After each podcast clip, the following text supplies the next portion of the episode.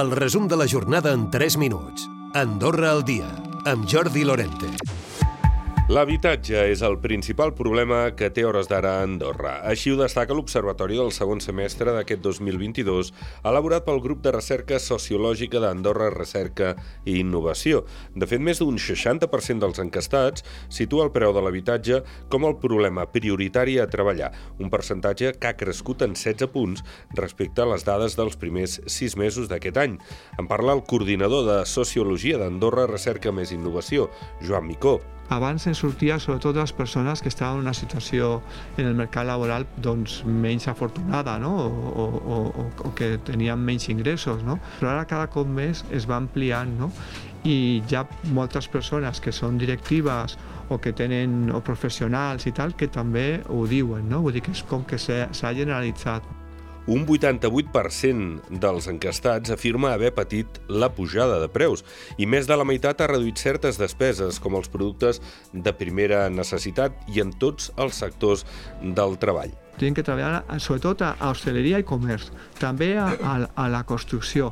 I en aquest observatori ens ha sortit molt persones que treballen a, a, a, a, com a administratius. I per nacionalitats, doncs eh, normalment les, les persones que estan en una situació més, més delicada sempre surten els d'origen portuguès. I millorar els sous dels sanitaris per afavorir l'arribada dels professionals és la proposta del director assistencial del SAS per fer front a la manca de personal arreu del continent.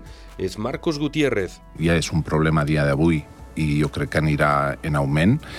La competitivitat entre les institucions en el sistema sanitari per contractar professionals serà molt important. Incorporar avenços tecnològics, ampliar l'hospital i potenciar l'atenció dels pacients a domicili són altres reptes que es volen començar a treballar. La vida sana, fer esport, mm, ser feliç i, bueno, sobretot que ens acompanyin la salut a tots. Salut i pau al món.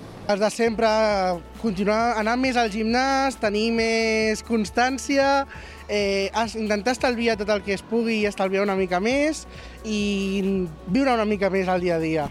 L'únic propòsit que desitjo és salut per tothom, perquè sense això i aquests són alguns dels propòsits per al 2023 dels ciutadans del país. En aquestes últimes hores d'any ja es pensa en com poden millorar les coses, algunes qüestions com els salaris o la qüestió de l'habitatge principalment en vista al 2023 i després de més de sis mesos de feina ja s'han recollit gairebé totes les dades de les quasi 200 parcel·les que serviran per crear l'Inventari Nacional Forestal.